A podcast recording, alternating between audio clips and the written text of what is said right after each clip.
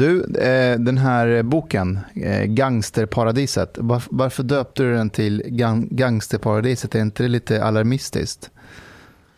Kanske det, ja. Kanske på något sätt är meningen också. Um, jag lekte rätt så länge med titeln De vilsna krigarna. Um, eftersom jag tittade mycket på de här unga 90-talisterna och faktiskt 00-talisterna också. Försökte förstå deras drivkrafter och så. att um, Det var betydligt mer oorganiserat uh, och inte så alltså strategiskt som äldre kriminella, men mer och mer så gled det över till att bli ett fokus kring uh, vad samhället gör och inte. Och då, då, då är ju slutsatsen att Um, vill du leva det här livet så går det väldigt bra väldigt länge och du, du skapar tillsammans med dina bröder väldigt stora problem för samhället.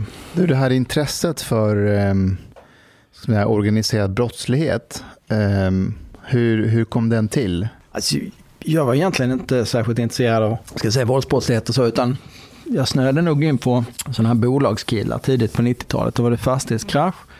Eh, det var 500% ränta i Sverige det var kris på det sättet.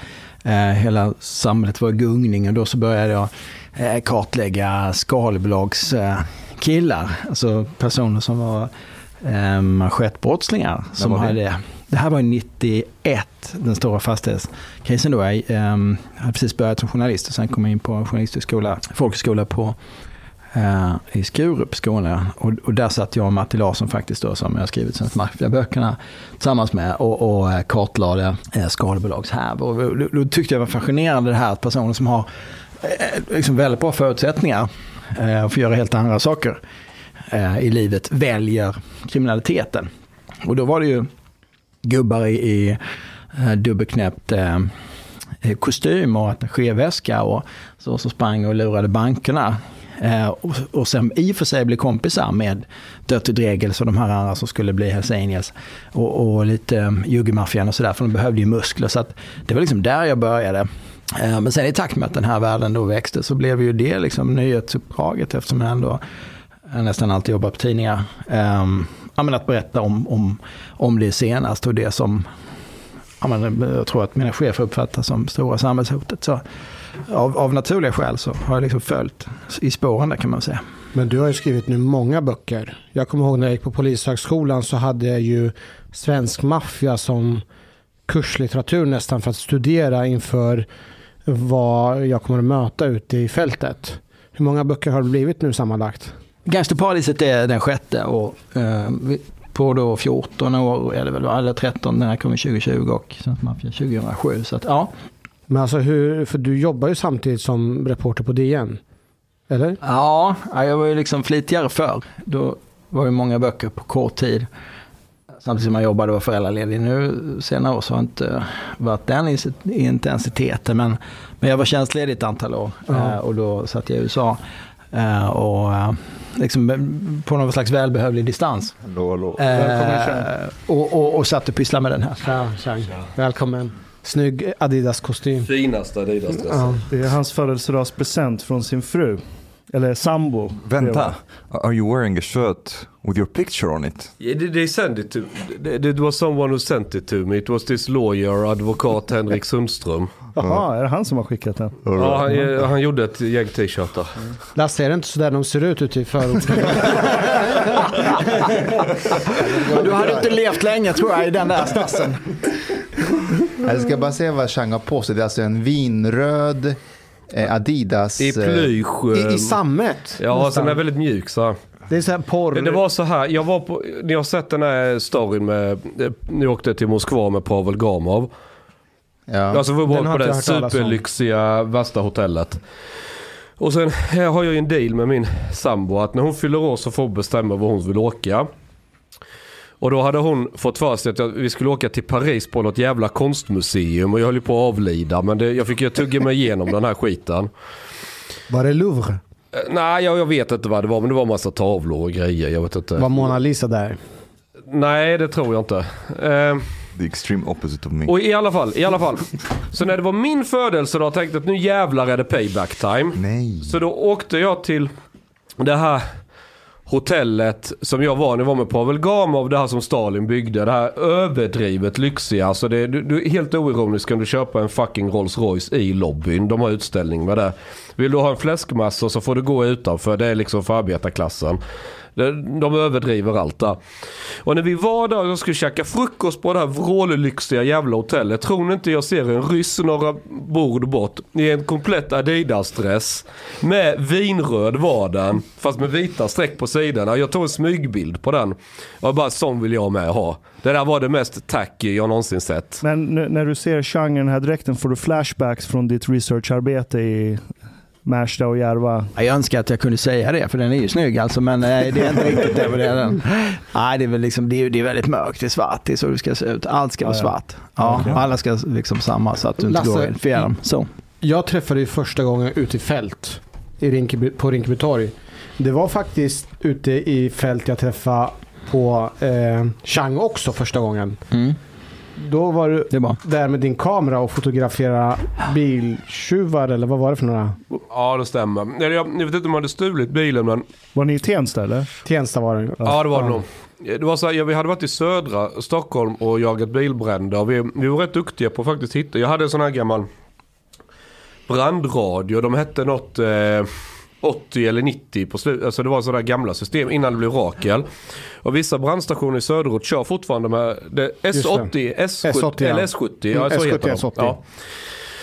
Och jag hade en sån radio. Så jag kunde ju, jag satte en antenn på femte våningen i Hallunda där jag bodde där. Höjde lägenhet svart av en syrian.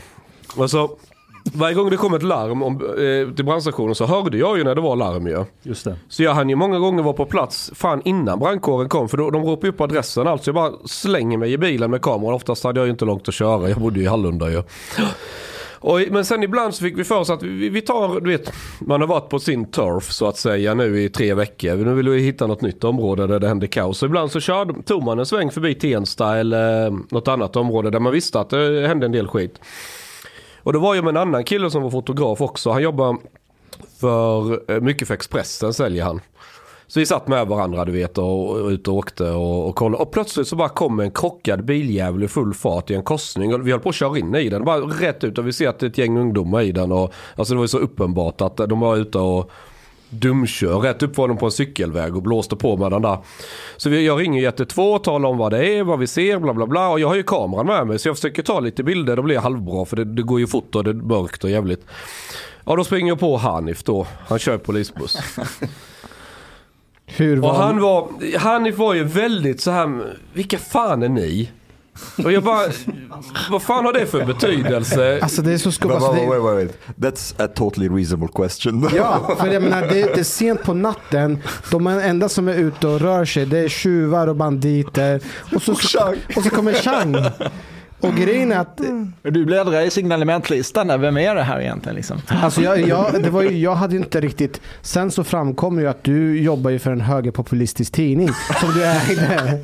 Och då, eh, så det var, ju, det var ju så det började. Och då ringde du radikaliseringsavdelningen, kolla. ja, jag säger så här att... Eh, jag tyckte att du var en konstig filur. Men eh, det som hände... Jag, jag minns inte, detta väldigt väl. Ja, men fick du mitt nummer eller fick jag ditt nummer? Eller hur var det? För att sen så skickade du över massor med bilder till mig. Ja, jag tror det var... Jag förstår jag fick din mail. Jag minns inte om jag fick nummer. Det är möjligt att jag fick. Ja, det, men, men, jag kommer ihåg detta. För först var han väldigt sådär barsk och... Fan är ni för några som tagit bilder och grejer? Jag bara, vad fan, alltså. Det är ju ett brott ju. Det hjälper väl er om vi dokumenterar. Alltså vad, vad, vad fan gnäller han om? Så jag tänkte, det är, det är någon snut som inte fått ligga på länge. Jag vet inte. Något, något kärringen släpper inte till. Skit i det. Så vi sätter oss i bilen. Så, för då var det så att de här ungdomarna hade ju kommit och ställt sig på en parkering. Vi hade ju sett var, så vi stod ju ganska nära. Sen hade de, hade de sprungit ut därifrån kvickt som fan och försvunnit iväg. Och jag försökte liksom i smyg ta lite bilder. De blev rätt kassa. Men på någon bild så gick det att känna igen någon som hade kört bilen. Och sen när vi har satt oss i bilen så hör jag någon ropa på avstånd. Nej, kom tillbaka! Ja, då var det ju Hanif då. Och då, hade, och, och då, då går jag tillbaka, jag, jag har ju kamera med mig. Så säger Ah, sorry, jag förstår, ni är laglydiga medborgare, ni vill bara hjälpa till och bla bla bla. Så ska han liksom ursäkta sig lite för att han hade varit lite så här barsk. För han vill ju se bilderna ju. Då hade han ju ändrat sig. Jag, hade, jag kom ju på att de här personerna som vi hade, de var ju misstänkta för brott. Och då hade du fotograferat dem. Så, ja. så, så, jag kom på det efteråt och jag försökte vara snäll och ja, kompensera. Det, hur, hur länge sedan var det här? Oj. Fem år sedan. Nej, nej, nej. Det, det här är ju sju, åtta år ja, sedan. Så sju år senare hamnar vi på samma middag och nu sitter vi alla här. Mm. Mm. Ja, jag fick bizarre. min revenge när jag intervjuade Paolo Robato var med. För då satte jag han för jävligt i skiten. Mm. Så att, eh, jag, jag blev ju anmäld till interna utredning av, av eh, och eh, påtryckt att jag skulle bli omplacerad för bra. att det var inte så bra att jag var ute i yttre tjänst och jobbade förtroendeskapande. För jag drog ner förtroende för polisen. Så då har du lärt dig det nästa gång du springer på fotografer ute i, i fältet. Var snälla mot dem. Okay. En, en, vänta, vänta, en, en, en sista anekdot. Men fortsätt, fortsätt. Vi har ja. gäster. Men fortsätt. En sista anekdot. fortsätt. Den här personen som var misstänkt. Idag är han mördad. Mm. Han har blivit skjuten till döds och det här var i Tensta för några år sedan. Då så, nu, nu kör vi. Vi skulle spela in eh, mm, mm, för mm. no en, ve en, vecka sedan var det va? Mm, fredags, just det. Dagen efter den. Ja, precis. Nej, det var ju ett högt nyhetstryck då naturligtvis. Alla måste ju liksom bidra i ett sånt läge. Ja, men det ena, så att det, ja. hade, du, hade du någon text ute? Jag, jag har missat det. Eller kommer det? Ja, precis. Uh, nu jobbar vi mer och mer uppdelat. Jag jobbar framförallt för pappret men, och sen så har vi en webbredaktion. Men, men uh, visst, absolut. Vi tittar ju på det här faktumet att han hade skyddade ID men ändå hade rört sig så öppet. Till exempel. Um, och uh, på frågan hur, hur, förväntat det var och inte så blev det ju också relevant att titta på vad som har hänt senaste veckorna. Och det är klart att det är svårt att blunda för det faktum att det då pågår en förundersökning om mordförsök där han finns med på den misstänkta gärningsmannasidan och sådär. Så att ja, det är fortfarande tidigt när utredningen är ingripen men det är klart att det, är, ja, det finns ju rätt, rätt många spår tycker jag man kan känna. Får jag, får jag fråga dig, det finns ju um, en del av reaktionerna kring Einars död är ju att um, att det har varit väldigt, vad ska man säga, hela, hela, hela Sverige på något sätt engagerade på ett sätt som eh, man inte var kanske engagerade tidigare i de, de andra eh, unga killar som dog. Eh, finns det någon sanning i det att eh, när de här mammorna från Järva till exempel går och säger så här, spelar inte våra barns liv någon, någon roll när de dör? Isn't he like a super famous artist though? Jo, ja, let him, okej. Okay. Men du ställer en dum fråga. Nej men absolut, så, så är det ju. Det är bara att se vilka som, som nu plötsligt skriver om det här. Um, och så är det ju uh, när det sker på den platsen. Um, kanske på det sättet, men framförallt den personen som ju även föräldragenerationen på något sätt kan relatera till. Därför att uh, deras, deras barn, väldigt unga, otroligt unga. Uh, Alltså, jag pratar med, med, min yngsta dotter och hon är ju helt liksom uppdaterad på det här och hennes kusiner som är ännu mindre och bor i en annan del av landet också väldigt uppdaterade. Och det är klart att det där finns med då i familjerna om man tvingats redan tidigare på något sätt ta ställning till det här. För det är klart att det är ett extremt provocerande innehåll i, i, i Einars musik i hennes låtar. Um, men, men ändå det faktum att så många inom den breda medelklassen har relation till hans musik och hans karaktär och det som han representerar. Det men tror jag absolut, visst är, visst är det så. Men då är det intressanta frågan, hade det varit lika stora reaktioner och under så lång tid om det hade varit, låt oss säga, Yasin? Ja, det är möjligt.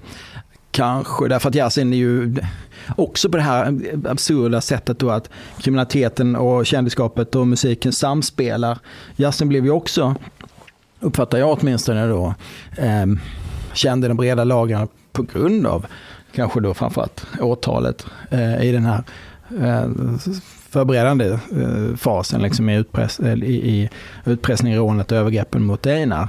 Eh, så att det är väl möjligt kanske att han kom på en sån nivå också. Men jag tror ändå att, att Nils Einar Grönberg, är en ung ehm, medelklasskille får man väl ändå säga med, med ett um, oskuldsfullt ansikte och mm. um, på något sätt kanske en kille som har, uh, ska jag säga, Ja, men han har mera då ena benet i, i liksom etablissemanget än, än kanske Yasin och andra. Mm. So, so Yasin maybe is like perceived as more evil so to speak, more guilty. Jag vet, jag, jag vet faktiskt men, inte, det är svårt att säga tycker jag. Men det, men det är ett faktum att nu plötsligt så diskuterar vi gängkriminaliteten på ett helt annat sätt. Um, och, och Eh, på något sätt så tycker jag ju liksom att det, jag håller med om att det känns som ett svek mot ganska många då som har under lång tid försökt ropa.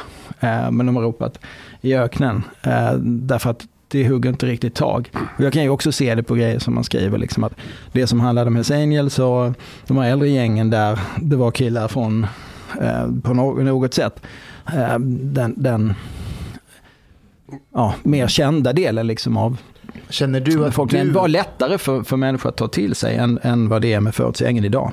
Känner du att du har skrikit dig hes också kring de här frågorna genom åren, men att man inte har lyssnat?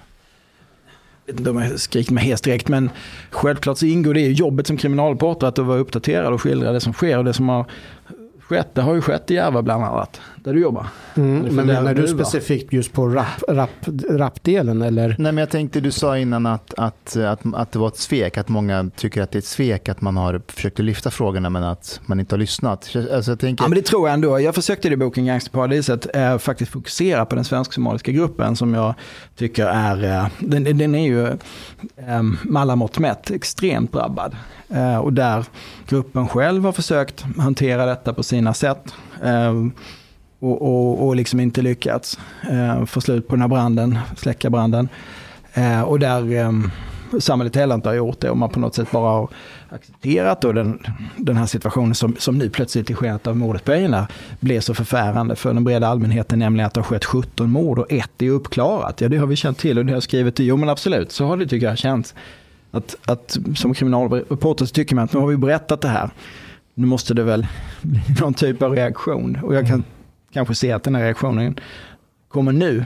Som, som möjligtvis kanske hade, men, hade förväntat mig tidigare. Vad tror du det beror på? Att det inte kommit någon reaktion tidigare? Ja, men jag det tror att det, väl gjort. Ja. Det har väl, det har väl, alltså det har... han, han, sa ju precis att han tyckte reaktionen först kommer nu. Ja, precis. Sen man lyssna på de här mammorna. Eh, till exempel som har stått på, på så många torg och liksom försökt väcka uppmärksamhet och känna att de inte riktigt har något fram. Jag tror att det är rätt så lätt i vårt segregerade samhälle att distansera sig från den där utvecklingen, den eh, brottsligheten och det livet. Eh, till att börja med därför att man inte är där. But I mean it's like Dan, Daniel Riazat when he wrote this tweet that it's only now and it's like he wants to he's implying that only when a white person has been killed det är inte that sant. people are paying attention. Yeah exactly, this is not true. Mm. Well, we have been talking about criminality for quite some time now. Men, men, men, men vänta, vänta. Är det, men, är det, poäng. Men, nej, men, vänta, vänta, men vänta nu, är det inte ändå mänskligt att alltså, vi alla, vi identifierar oss med olika personer och jag kan tänka mig att det är inte så märkvärdigt att man identifierar sig med de som man är mest lik.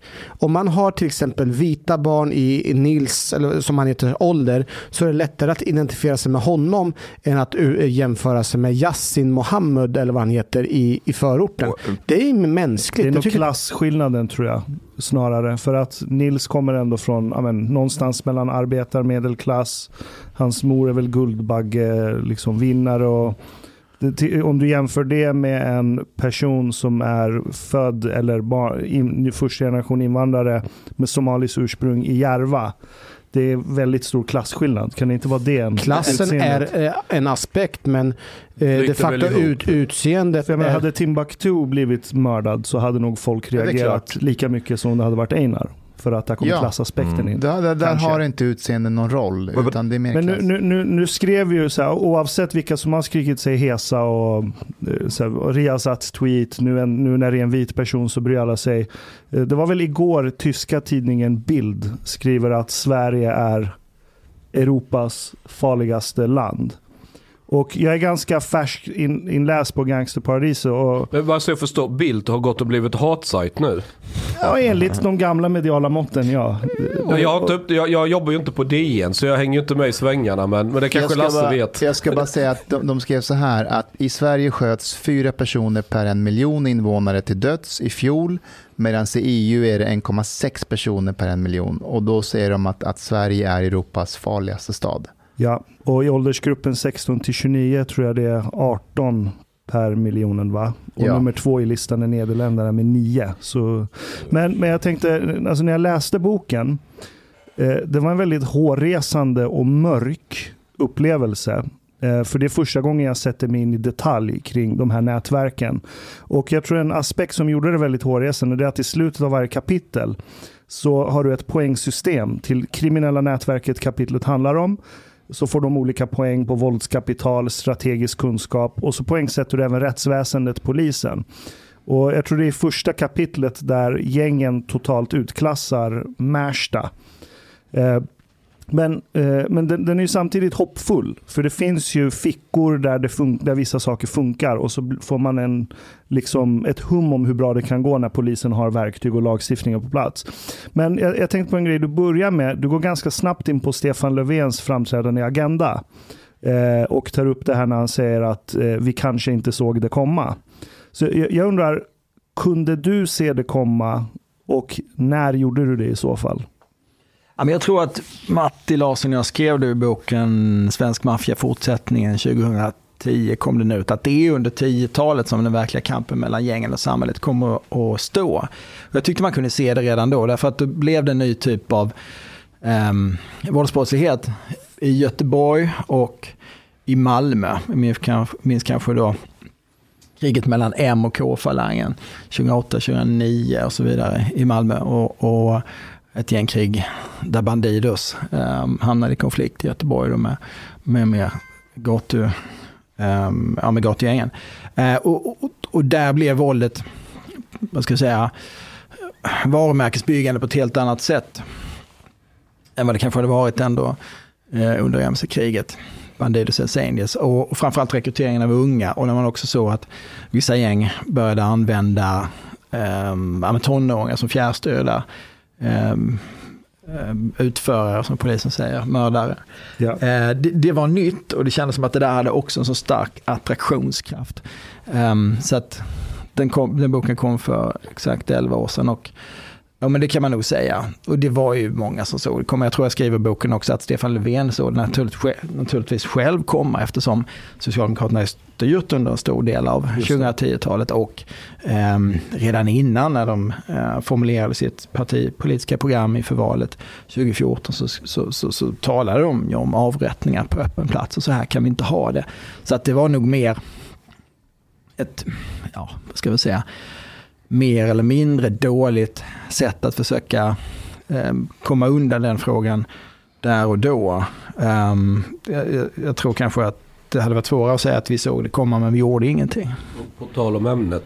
Den här boken första, Svensk maffia. Kommer du ihåg baksidan på den? Det var en bild.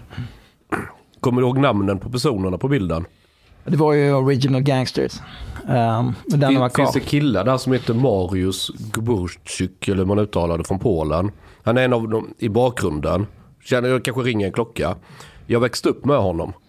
Så en av de första böckerna jag läste om kriminalitet var faktiskt den boken.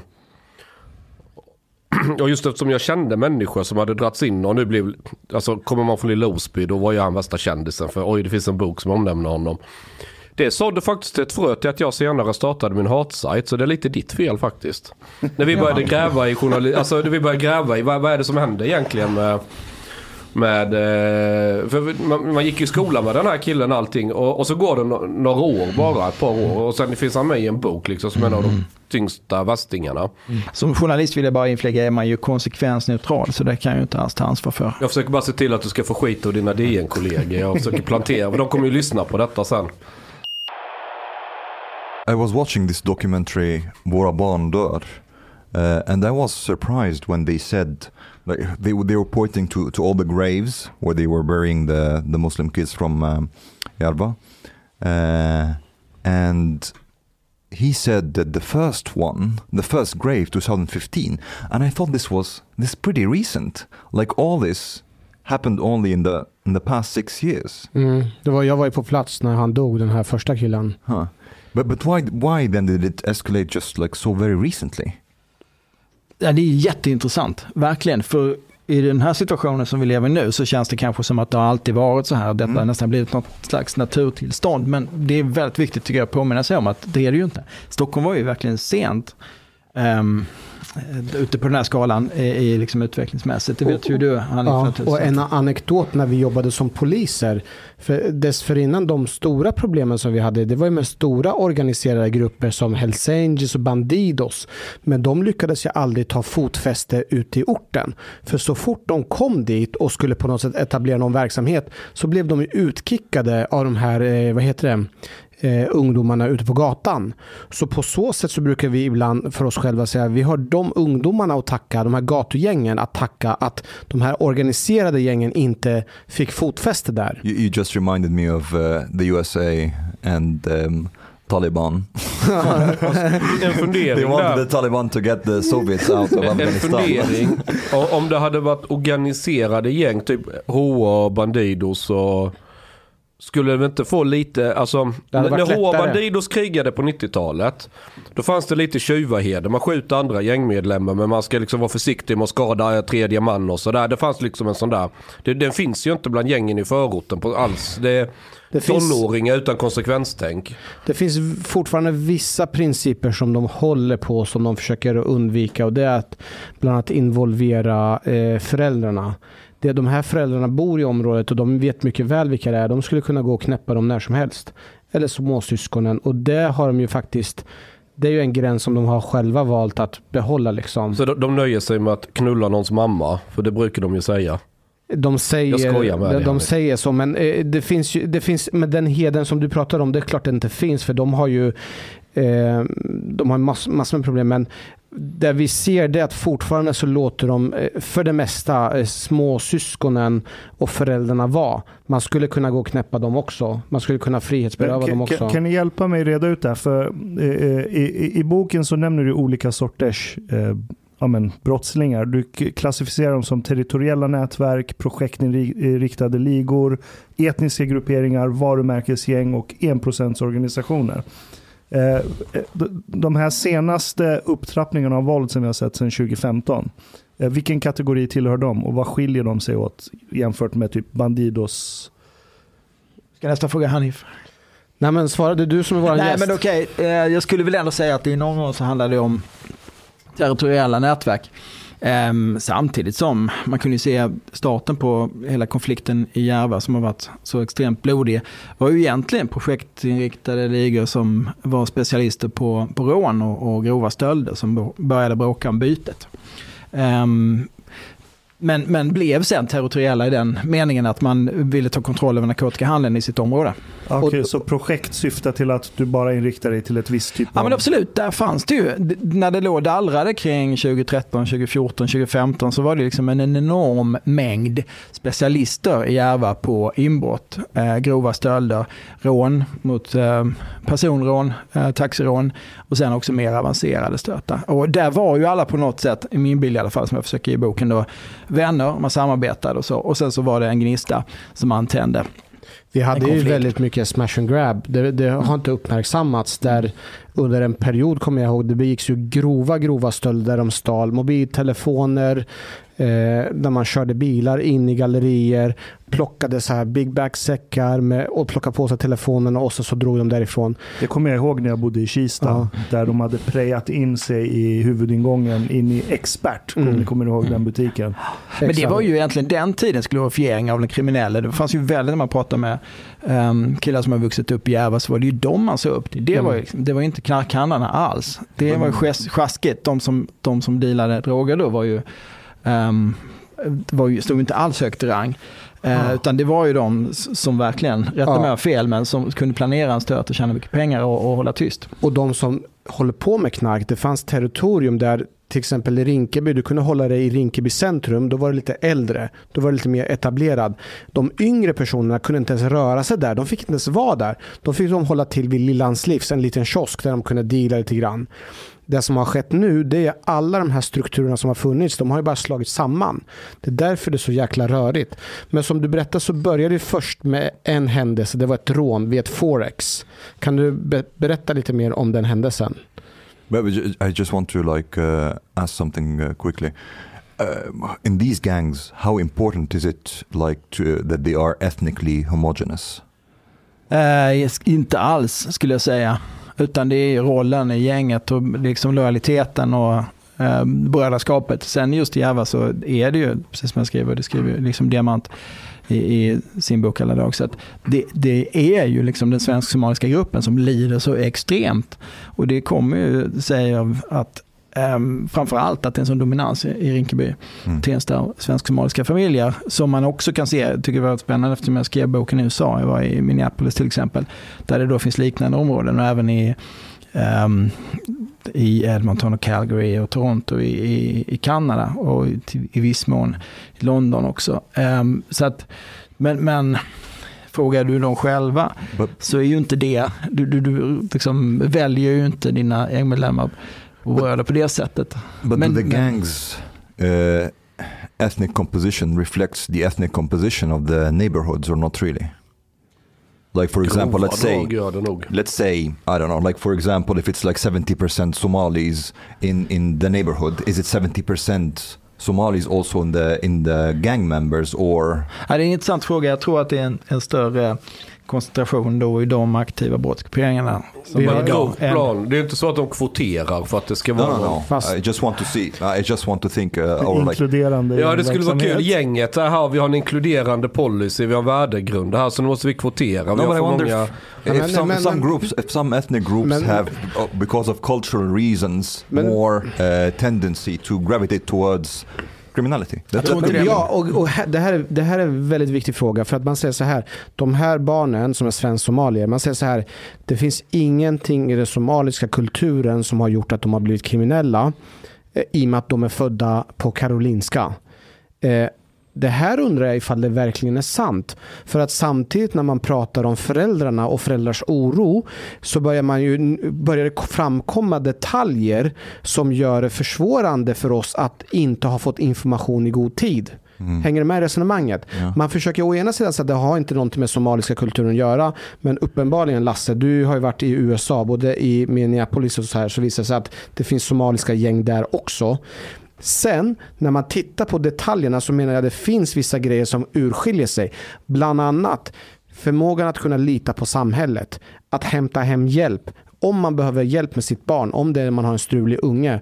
Eh, signalerar man till myndigheter, tar man hjälp av myndigheter. Det gör ju inte de somaliska föräldrarna för de har ingen tilltro och det är en kulturell aspekt att man inte ska ta hjälp utifrån. Yeah, but, but, but there's also, we talked a little bit about also the differences because one of the things that uh, was really strange for me is how the fathers, in at least it seems to me, the Somali group, are totally absent. And absent I come, är frånvarande. Um, um, and to me it's very strange because this is something that is very foreign to Arabic culture. I, I come from Egypt, and, and for Arabs, mm. like fathers are basically the heads of the family and very actively have to direct uh, everyone in the family and their behavior and so on.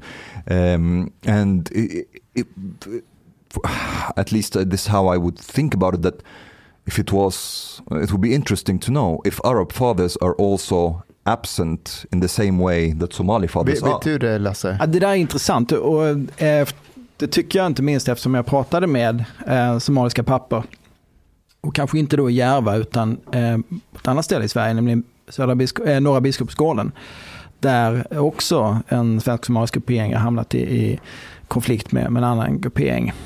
Um, och där de här papporna säger själva att det är svårt uh, att översätta kanske somalisk uh, familjebildning och uppfostran till en svensk kontext och till Mm. Är man bara ett svenskt fastighetsbestånd eller så. Det, bilden är lite grann att it takes a village to raise a child. Nämligen att det finns många vuxna kring eh, barn och unga eh, i hemlandet. Eh, och att det är ehm, det finns olika roller då mellan mamma och pappa och där mammorna är kanske mer tillsammans kollektivt mm. Eh, med mamman men också systrar och, och andra i släkten som på något sätt bolstrar in eh, de unga. Det är lite så nomadkultur. Ja, ja. Säkert. Ja. Eh, och, och, när du då kommer till ett samhälle där du förväntas dela upp de här strukturerna i ganska små lägenheter, två, tre och fyra år i södra right. Norra Biskopsgården eller Tensta, Rinkeby, vad det är, så blir det rätt svårt att, att bibehålla den sociala kontrollen. Där tror jag att det är mycket större förklaringsfaktor, det är mycket mer intressant. Och det här säger jag efter att ha faktiskt då ägnat rätt stor kraft åt att förstå. Jag har suttit på föräldramöten i, i Minneapolis med bara mammor och ställt samma fråga som eh, jag gjorde i Göteborg. Som, jag var nattvandrare med mamma där. Varför är det inga eh, män som är ute och nattvandrar? Vad säger eh, de? Nej, men en del säger, en del säger att ja, men de jobbar och jobbar natt och, och, eller så måste de gå upp jättetidigt. Det stämmer. Mm. Absolut, ingen anledning att ifrågasätta det. Men också säger en del att men papporna ser inte riktigt det som sin roll. Kanske mer en mat, jag ska säga, med materialistisk liksom, syn på föräldraskapet. En av de första killarna jag träffade i Järva, som kom från den här miljön, berättade på ett ganska gripande sätt hur han och hans bror hade satt sig i Sverige och pappan som sen åkte tillbaka till Somalia och blivit uppfostrade av en, en moster. Och när de sen senare konfronterade pappa med det här, hur kunde du lämna oss? Då, då hade svaret blivit, ja, men jag tog er till världens bästa land, mm. till världens bästa välfärdsland. Vad kunde gå snett? Eh, och det var kanske naturligt för honom att se det. Men, men barn har ju samma behov oavsett. Eh, det är kanske de materiella eh, förutsättningarna när det gäller anknytning till föräldrar och normbildning och gränssättning och trygghet och stöd och allting sånt där. Jag tror det är snarare det än att man, jag, jag, kan inte se på något sätt, och det har vänt på ganska många stenar kring den här frågan som, som är ganska känslig tycker jag. Att jag kan inte se till exempel att det hos um, pappagenerationen finns någon kriminalitet nej, nej. som kan förklara någonting för det här. Absolut inte. Och de, eh, föräldrarna, papporna, kliver inte heller in i den här kriminaliteten. skulle man kunna tänka sig hypotetiskt om du eh, har en hel familj som drabbas och det blir en du tydligt kan se att den andra familjen så där, skulle kunna bli ringa på vattnet. Men jag tycker ändå att man försöker hela tiden bara släcka det här, samtala. Och sen har man inte nått fram. Men jag kan inte se liksom att det finns någon kriminell kultur. Absolut inte. Däremot att man bryter upp en social kontroll som har funkat bra hemma i ett land som ser totalt annorlunda ut, nämligen Sverige. So, so maybe the, the cult, the, it could be also that the cultural structure of, of Arabs, mm, it's closer to the Swedish cultural structure compared to the Somali. Ja, nu ska vi inte överdriva. men, vad, tror du om den här teorin som jag sa förut om att Alltså mm. som du har olika eh, maskulina roller eh, och de här rollerna när man kommer hit till Sverige som, som somalisk pappa. Man fråntas den traditionella rollen och man blir passiv. Och framförallt när man inte har ett arbete, när du inte har ett jobb att gå till. Hur ska då de unga killarna i området kunna se sin pappa i ögonen och se att det här är min faders, det här är min Fast förebild. du kan ju applicera samma sak på andra invandrargrupper yeah, som iraker, syrier. Yeah, exactly. There's like so many so, Iraqis for example. Exakt. Så, men menar du, eh, så menar du att eh, andelen eh, pappor, eh, somal, somaliska, eh, vi ser på den somaliska gruppen, det är den som har sär, särklass högsta andelen arbetslöshet. Visserligen, men det finns ändå en ska man säga, familjestruktur där pappor inte förväntas vara lika närvarande i den somaliska diasporan jämfört med den afghanska, eh, syriska, irakiska. Nu generaliserar jag här, men det är för on att föra fram en, yeah. on average. Mm. Att mammor förväntas ta hand om barnen på ett annat sätt, vara mer närvarande medan pappan är ute och jagar. Ja. ja eh, jag har snackat också med en del föräldrar med somalisk bakgrund. Mm. Och eh, det jag har hört många mammor säga det är att de svenska systemen, alltså jag sa i något tidigare poddavsnitt eh, så här, lite mindre värdegrund och lite mer rörfil. Och det är ungefär så de här mammorna förklarar att i deras kultur när man liksom uppfostrar barn, det är lite mer rakt på sak. Lite, det är inte där, I Sverige så är det väldigt mycket lågaffektivt. Va? Barnkonventionen. Vadå barnkonvention? Men I Sverige har man barnkonventionen med och lågaffektivt bemötande. Ja, men det är väldigt mycket det här. Lite saft och bulle. Nu ska vi sitta ner och så tar vi det lugnt. Och hur känns det för dig? Varför blev du arg? Bla, bla, bla.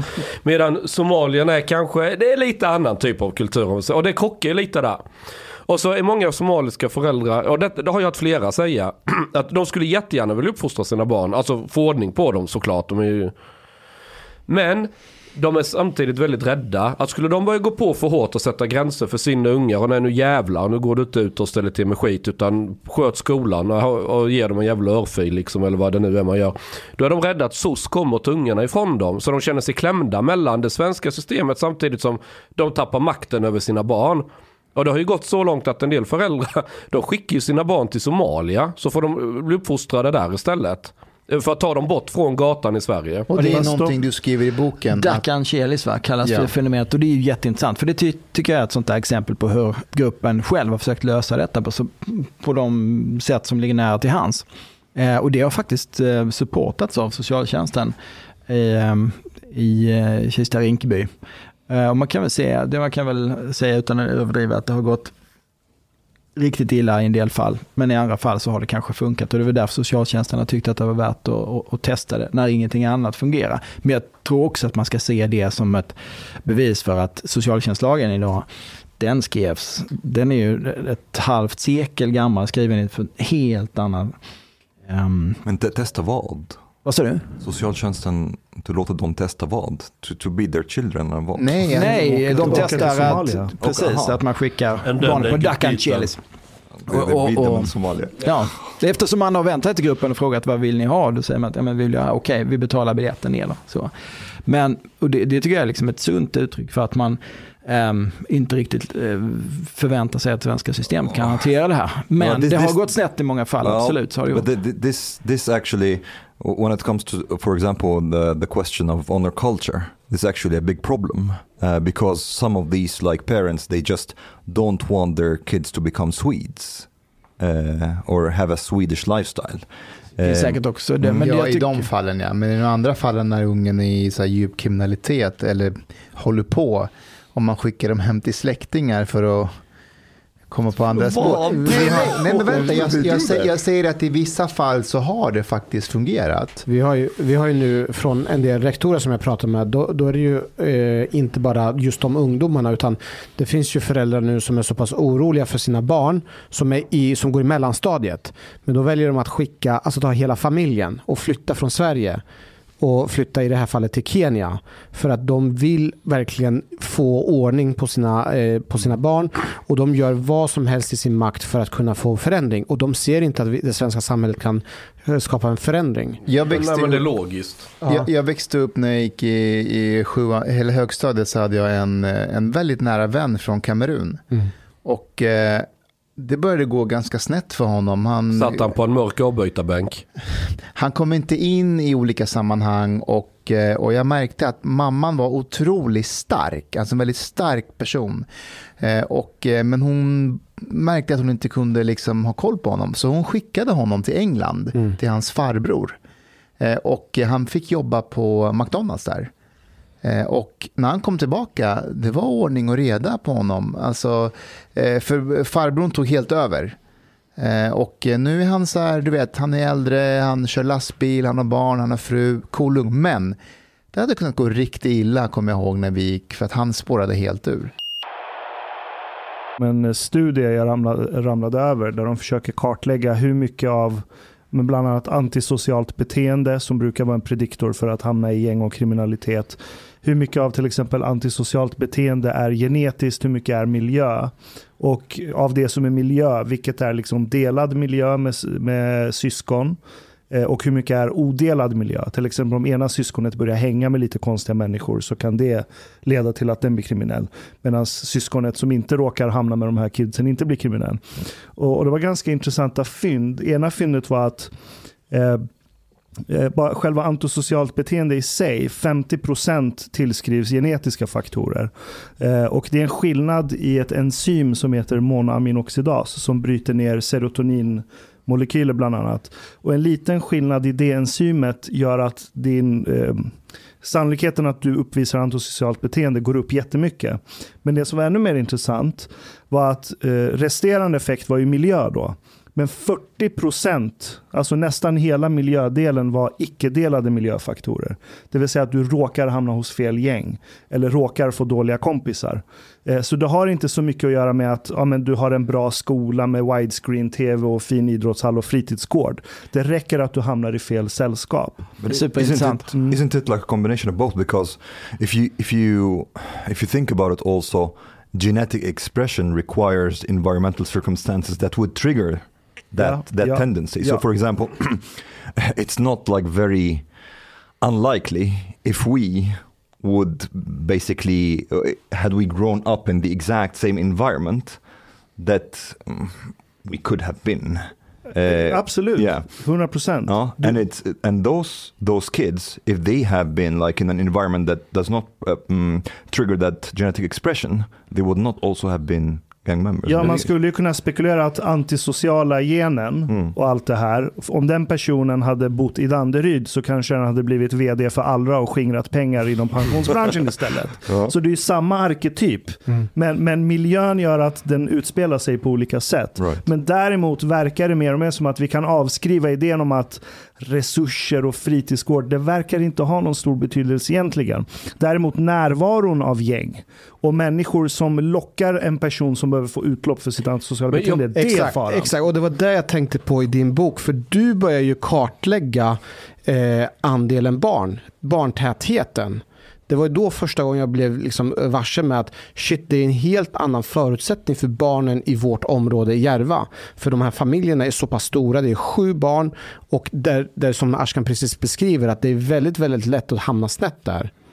Och det är väldigt, väldigt många jämfört med ett villaområde som mm. ligger ganska nära. Som eh, efter några år har bildat det här klustret. Då. Så det är liksom den kritiska massan tror jag man, man ska förstå vilken betydelse den har. Men det där, allt det här du, du nämner tycker jag är superintressant. För att jag pluggade kriminologi i början av 90-talet här samtidigt som jag jobbade på Expressen.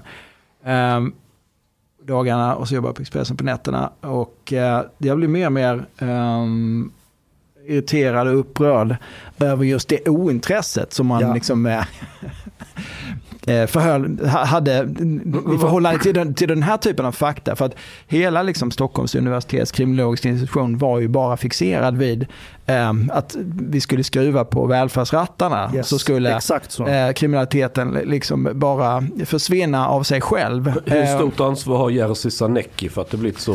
Du som har kriminologbakgrund. Nej men det är klart att han påverkade den institutionen väldigt mycket. Absolut, och man var ju helt ointresserad av det här. Jag um, hade en handledare när jag skrev en C-uppsats då som var en av få, Belfrage han, som, som sen började jobba på rättspsyk. Och han var ju mer intresserad av att gå in i hjärnan på de kriminella. Henrik Belfrage. Ja. Mm. Och Fick han skit från andra för det? Ja men absolut, det får jag nog säga. Att, vill du bli mer frustrerad? Ja, det, det kan vara sunt ibland, men jag tycker att det är så intressant att ta upp det. antisocialt beteende, det är ju en sak. Sen är det ju inte alla som uppvisar antisocialt beteende som går och joinar ett gäng. Men genetiskt... Jag gick med i en podd. Du gick med i en podd. Men att, att, att joina ett gäng, ett kriminellt gäng, där kan enligt den här studien 77% tillskrivas genetiska faktorer. Att du tar steget och joinar ett gäng.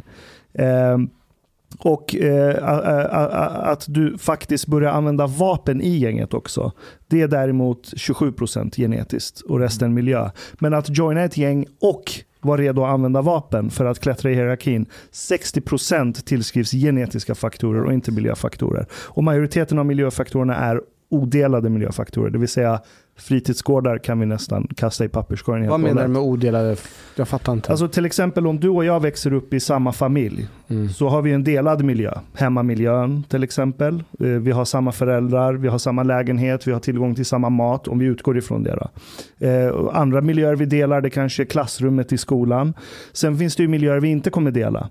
Till exempel att du kanske hänger med datanördarna mm. och jag kanske hänger med fotbollsnördarna. Och bland fotbollsnördarna kanske det finns några som också håller på med knark, säger vi nu, i skitdåliga exempel. Mm. Men det, det, finns aspekter av våra liv som vi inte delar, fastän vi kommer från samma familj och delar gener. Uh. Slutsatsen av det här blev väl då att vem är det som ska göra jobbet? Ja, det är kanske BUP då, barnpsykiatrin, men de pratar man ju väldigt sällan om i det här sammanhanget, utan mm. det är mjuka åtgärder, socialtjänster, fler socialsekreterare och så vidare, och sådana här program som går ut på att man ska övertala eh, och förstå den unga att du har valt fel livsstil. Men tror du ens det går? Alltså, jag får intrycket att vissa av de här människorna, det finns inget du kan göra. De kommer alltid vara kriminella, hur, vad du än försöker. Jag tycker, jag har följt sådana här karriärer, brottskarriärer under rätt så lång tid. Man ser ju att det, ja, det har ni sett som poliser, herregud, att det inträder ju en trötthet när det börjar bli jobbigt. Och det kan ju ha ganska mycket att göra med att man bara mognar som person och så får man andra intressen och andra...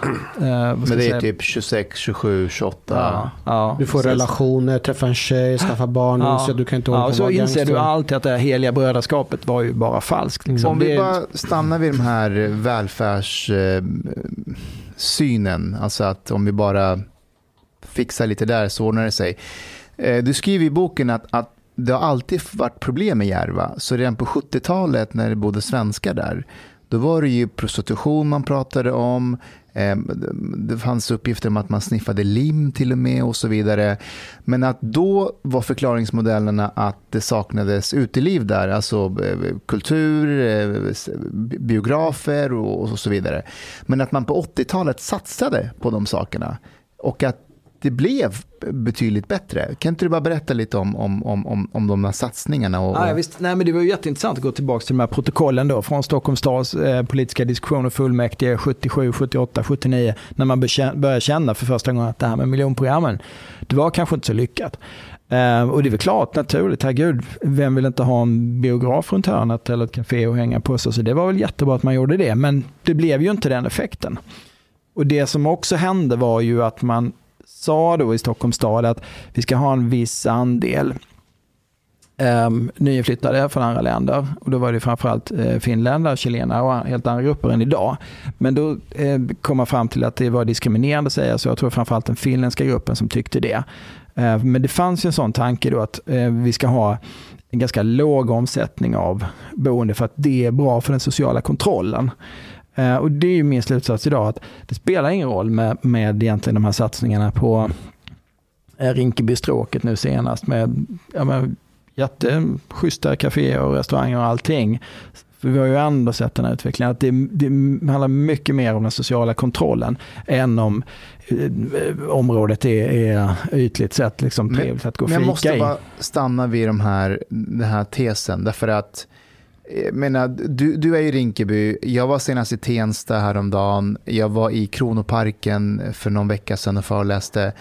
Alltså, det är konstgräsplan, det är upplysta eh, basketplan. Eh, eh alltså, så, jag är helt ärlig nu, när man säger att man inte satsar på områdena, jag, jag är genuint nyfiken, vad är det man menar att när man säger att man har glömt bort oss? Men jag kan säga en sak där. Eh, när du säger att det satsas, det finns konstgräsplan och så. Jag var hemma hos en eh, familj igår och han vill spela fotboll. Han har ingenstans att spela fotboll. Alltså han har ju ett fotbollsplan men det finns ingenting organiserat. Det finns inga ungdomsledare, det finns inga basketlag, det finns ingenting. Ah, hela de här aktiviteterna som finns i, i Bromma, Sundbyberg, det, det finns inte. Det finns, inga, det finns inga förebilder som organiserar det här. Men vänd på det. Jag växte upp i en liten by som heter Killeberg. Där fanns ingen tennisplan. Vuxna och folk som hade intresset, de löste det självorganiserat. Alltså Sverige är ju världens mest föreningstäta land. Så att här kan vi prata om olika kulturer. Den ena får allt serverat om man tar inte vara, alltså starta en klubb eller fånga upp ungdomarna. Medan när jag växte upp i den lilla hålan då var det liksom, det fanns inget men man tog tag i det själv och skapade något. Det är det jag menar. Men vem ska ta tag i det? Vem? Ja, folk, ja, men de alltså, som ska, bor där. Ja, de som men, bor, jag men, fattar men, inte det här. Men, men, det är det här som är grejen. De som bor där är ju resurssvaga. De är för det första fattiga. De kan knappt eh, så här, organisera sig. Det bästa de har gjort på tio år är att organisera mammagrupper. De har lyckats ta sig till Hammarby Sjöstad. Det, det kostar väl ingenting att prata med varandra och komma överens om att nu, nu jag är fotbollstränare och du hjälper till. Och men det fin- Fotbollsdojor köper du begagnat på Blocket för 50 spänn. Vad fan, det är väl bara att säga till ungarna men, nu klockan sju på tisdag så spelar vi. Barriären är hög om, om pappan är liksom frånvarande eller men Nu kommer vi till pudens kärna. Ja. Uh, och, det, om mammorna kan, inte kan språket, det kommer, det, barriären är ganska. Det, det, det, det bara säger att de här, det finns, lokalerna ser bra ut ungdoms, alltså Rinkebyskolan har världens finaste vad heter det, idrottshall. Utanför är så många gräsplan. Men det, det, är ingen som har sin verksamhet där. De vill försöka hitta andra och som de kan leja ut till att andra idrottsklubbar ska komma dit och ha aktiviteter. Men det finns inte. Okej, Lasse, är det det som är din bild också? Att, att någon organiserad form av idrott? Eller? De kan ju organisera brottsligheten, varför inte mm. idrotten? Men nu när du pratar om dem, då klumpar ihop både ungdomar och föräldrarna. Jag, jag skojar lite här. Kan vi låta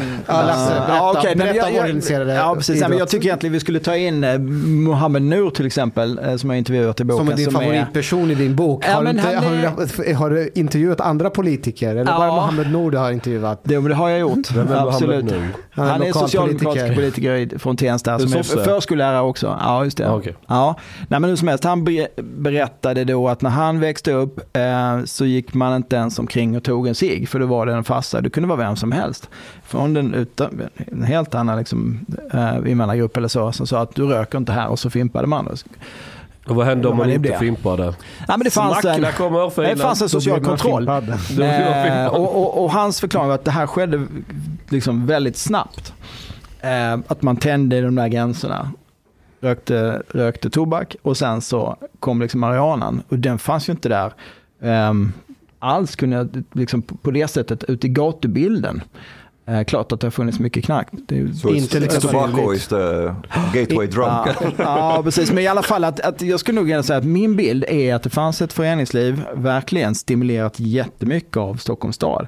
Uh, för det kan man också se i de här protokollen uh, från, från de politiska mötena, att vi måste stimulera, måste uh, in med pengar och stötta. Och det var på den här tiden var det gammeldans och det var kyrkorna, det var allt möjligt. Um, och att det är ganska sent egentligen som det där händer, att den sociala kontrollen börjar urholkas. Och, um, och kanske kan att man plötsligt steppar tillbaka då. Um, det kan säkert hänga ihop därför att det var ju till och med jag är inte helt fel ute här, en, en fotbollsklubb som sa att vi, vi ställer in träningarna nu för det är så mycket skjutningar.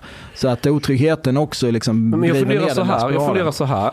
Det kommer en grupp människor från ett annat land. Man, man, kan inget om Sverige. Det är kallt och jävligt och hela skiten. Och svensk kultur är ju lite kylig också. Det är ju inte som om du kommer hem till en arabisk familj, du vet, kom och ät, här är det, vi sitter tillsammans allting. Utan Sverige, vi är lite mer reserverade i Sverige. Men samtidigt finns det en jättestor välvilja hos många svenskar. Man vill hjälpa den som har kommit. Man vill, som man liksom blir nästan som en curlingmamma till ungen liksom. Att de ska inte behöva anstränga sig någonting för en del. Om det nu är, vi bygger fotbollsplan och basket och det är upplyst och konstgräs och i alla fall rullan. Jag tänker lite så här. De invandrare som kom på 70-talet. Från Balkan till exempel.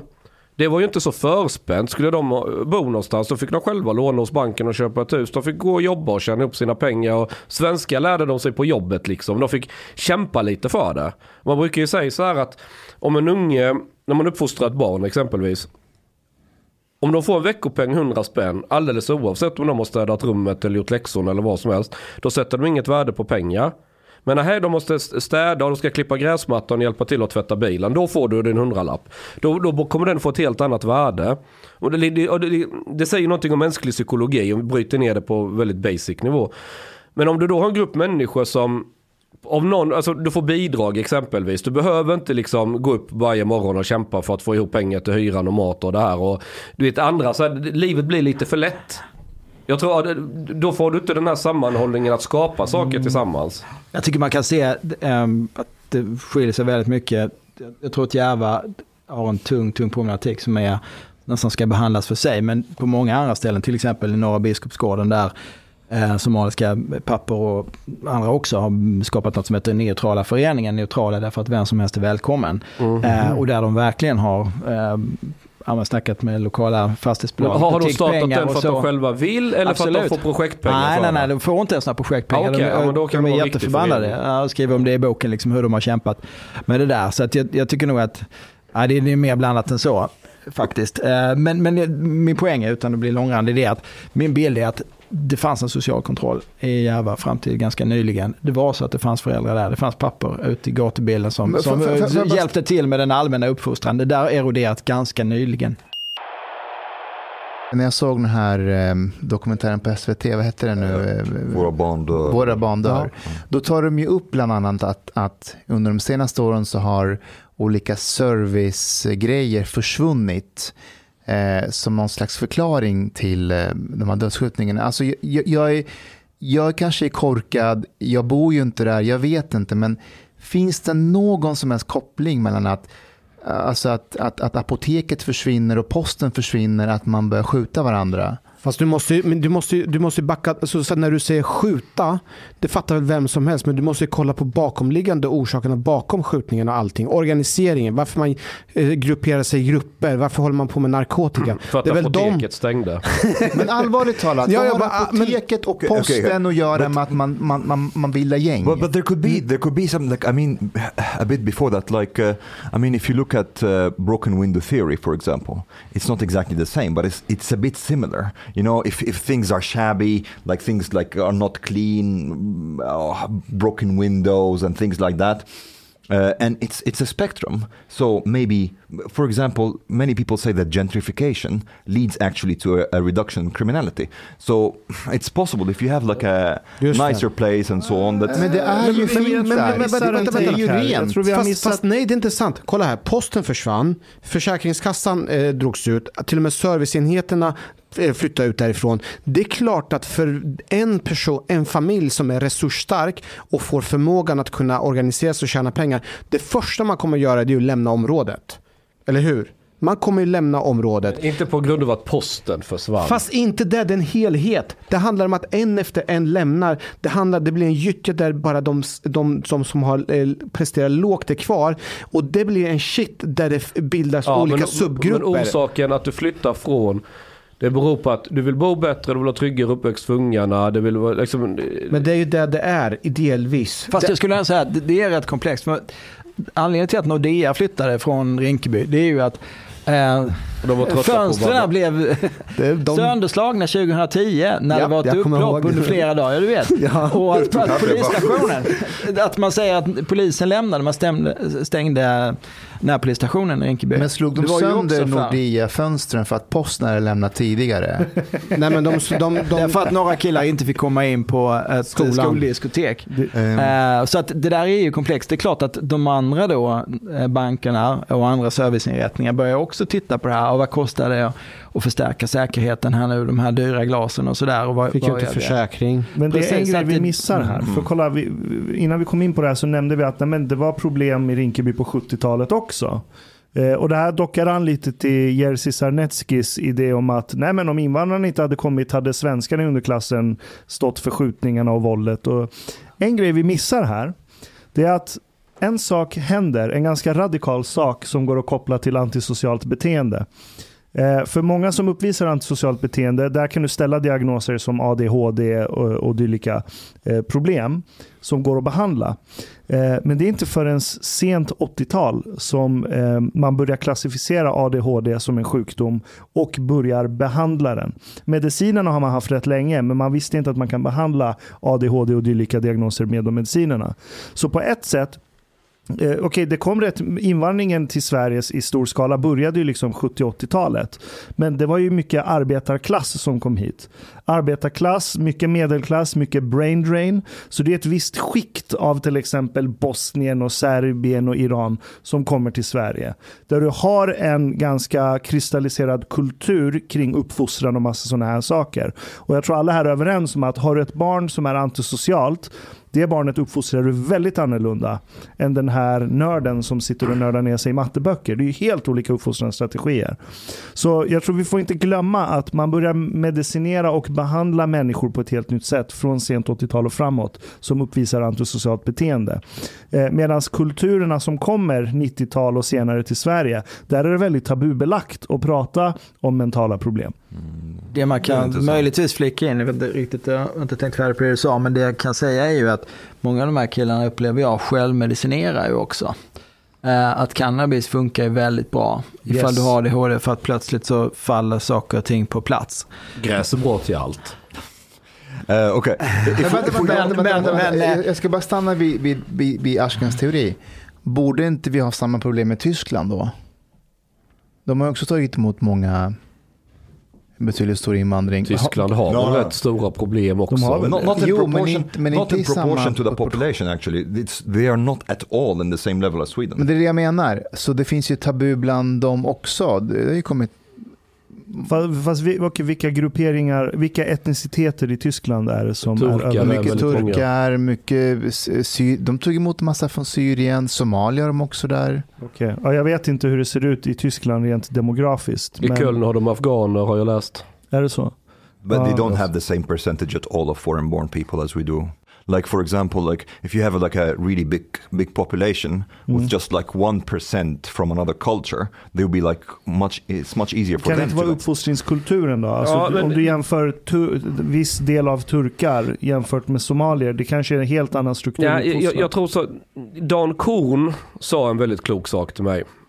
Och det var en sak jag märkte att när jag bodde i Hallunda och jag var väl en, alltså jag bodde typ tre år eller något, fyra kanske under den här tiden så var det en gång jag träffade en svensk som också bodde där. Det var någon pensionär. Resten det var bara Mellanöstern. Framförallt mycket syrianer kristna. Och det, det jag noterade som jag tyckte var väldigt kul på något sätt. Det var när jag lämnade mina unga på dagis.